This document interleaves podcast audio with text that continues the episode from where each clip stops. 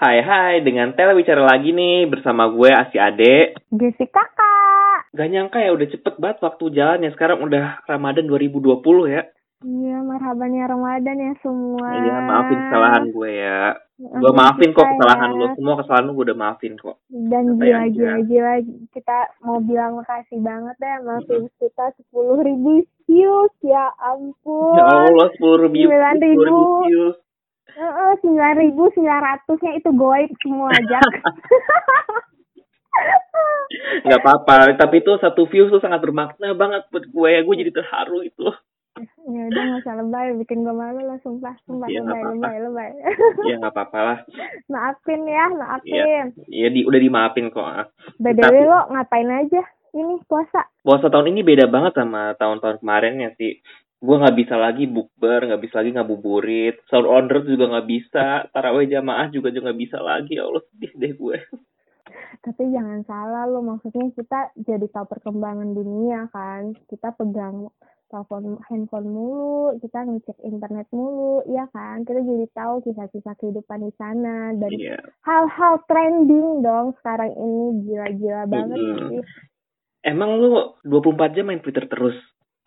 Nggak Twitter juga sih, tapi gue shock sih Mm-mm. ngelihat satu aktivis ditahan. Itu bikin gue shock karena Oh, gue itu ya. aktivis kan. Si Heeh. Rafio-Rafio itu ya. Rafio, heeh.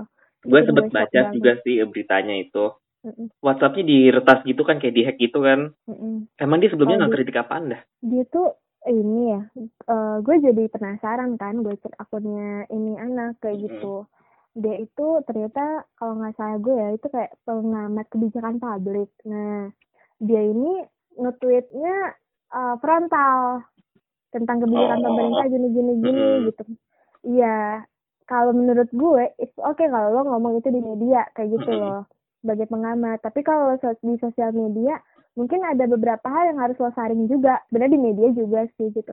Style dia dalam nge-tweet dalam menulis itu agak berbahaya menurut gue gitu. Jadi mungkin ada pihak-pihak yang tersinggung kali ya saya nggak tahu nih gitu. Tapi pikiran gue emang emang banyak nggak sih Jak sekarang yang kayak gitu? Dulu Ahmad Dhani pernah kena kan gara-gara Oh iya. eh, ke undang-undang ITE. Kalau si Rafia sih ben- bukan ke undang-undang ITE ya, tapi ada yang ngerjain dia lah gitu kan, tanda Iya. kutip. Mm-mm. sampai dia apa tuh pesan provokatifnya dia itu ber- beberapa menit kemudian setelah muncul itu langsung ada media yang up gitu loh Itu nama ujung-ujungnya itu namanya di framing. Ada yang nge-framing, ada yang nge- ngarahin ke sana kayak gitu. Dan itu nggak terjadi dari di sekarang aja, dari Iya. dulu gitu. Heeh. Cuma mungkin orang-orang pada shock dengan Jokowi yang dulu kayak menjanjikan kebebasan pers gitu kan, sama pers sangat ramah gitu. Tiba-tiba kejadian kayak gini nih, kayak gitu. Itu bikin orang-orang pada shock. wah itu lo mau kritik juga nggak sih gue dulu mah sering kritik ya tapi kan gue dulu ya zaman zaman mahasiswa gue itu kan yang yang di atas sana kan Pak SBY ya dan gue inget Mm-mm. banget banyak banget yang kritik SBY sampai orang bawa semacam kerbau ya kalau nggak salah ya dibikin namanya SBY di punggung kerbau itu. Harusnya Pak SBY itu tersinggung. Tapi itulah ya maksudnya yang gue Mm. puji dari Pak SBY itu demokrasi.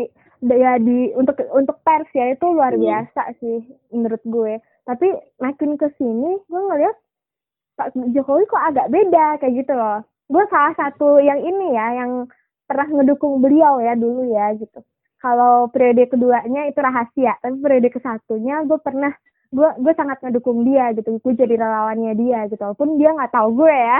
Iyalah. Ya iyalah gue siapa? gitu cuma ya remah-remah doang ya. remah-remah doang. Tapi kan gue juga pernah jadi ekonomik jurnalis kan di salah Hmm. satu media di Indonesia. Terus ketika zaman-zaman pemilihan presiden itu kan zaman-zaman kampanye ya di Uh-uh. enam bulan itu sekitar enam bulan atau berapa bulan gue ngikutin dia mulu tuh Jak itu ya tahun berapa tuh? 2000 2014 2014 ah. gue ngikutin dia gue ngeliat banget gimana dia ke wartawan kayak gitu. Jadi ini bikin shock menurut gue ya ini bikin shock gue yang pernah ada di masa Pak SBY sama Pak Jokowi. Waktu itu kan gue di periode tiga, tiga tahun ya gitu di Hmm. antara SBY sama Pak Jokowi. Gue jadi shock kayak gitu. Ini kok jadi begini sih gitu. Nah gue sih mau ngarahin ya ke orang-orang nih gitu Hmm. kalau lo nge-tweet itu bener-bener harus hati-hati banget deh sekarang gitu karena undang-undang ITE itu luar biasa kalau gue bilang luar biasa luar biasa apanya nih gue kam- kampret kali ya kesel banget gue gitu maksud gue kayak lo ngetik satu Nah. lo bisa diapa-apain sama orang kayak gitu Mm-mm. Emang Maksud gue, kalau misalnya nih hmm. gue mau ngekritik nih, itu gimana sih yang baik biar nggak ada yang tersinggung gitu sih? Sebenarnya style menulis setiap orang-orang itu berbeda ya Jack ya Mm-mm. gitu. Cuma lo harus ingat beberapa beberapa hal yang akan menjadi sangat bermasalah. Pertama lo kalau menyebut nama langsung ya kan? Ketika lo nyebut nama langsung ya udah lo gak lo langsung di digugat lah gampang untuk digugat kayak gitu loh. Nah Mm-mm. ya udah lo pakai mungkin lo pakai nama samaran sindiran halus atau bisa jadi lo pakai itu aja misalnya namanya Andrea Hirata kayak Mm-mm. gitu ya udah lo bikinnya aha aja Aha aja. Jadi- ya. Heeh, jadi orang mikirnya ini Hatta Halilintar kali ya gitu Pokoknya tapi Jadi ini nggak- intinya nggak boleh nyebut merek dulu ya. kalau bisa jangan menurut Mm-mm. gue ya yang kedua pemilihan diksi lo lo boleh seakan-akan lo tahu semua kayak gitu kan. Mm-mm. tapi hati-hati lo bukan media kalau lo lo nih kayak gue nih gue nih ya gue waktu sebagai wartawan gue bisa mengkritik lewat tulisan gue. Mm-mm. ketika tulisan gue salah yang ngelindungin gue ada pemimpin redaksi gue tim red gue. Mm, tapi ketika gue nge-tweet nih gue wartawan nih terus gue nge-tweet nih gue sangat hati-hati Jack kenapa? Karena kalau gue nge-tweet gak ada yang ngelindungin gue cuma diri gue sendiri kayak gitu loh. Dan gue siapa masalahnya? Itu. Jadi maksud gue lo tuh harus tahu dulu gaya style menulis lo udah kayak gitu lo hati-hati banget ada beberapa hal yang katanya tuh kan sebenarnya itu opini ya opini dan Opini, ah. sangat keras kayak gitu loh. Kalau kalau nge-tweet mau itu lo ngomongin fakta itu dianggap orang opini karena dari sosial media lo, ya kan? Mm-mm. Jadi apa pun yang lo nge-tweet itu maupun meskipun itu fakta masih dianggap opini sama orang.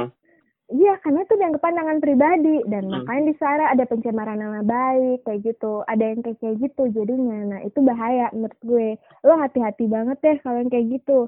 Gue gue sebenarnya kayak gimana ya? Gue bilang ini serius banget ya bahasan kita ya, tapi maksud gue gue penting untuk ngasih tahu ini gitu loh. karena gue tahu banget ranah ini nih gitu.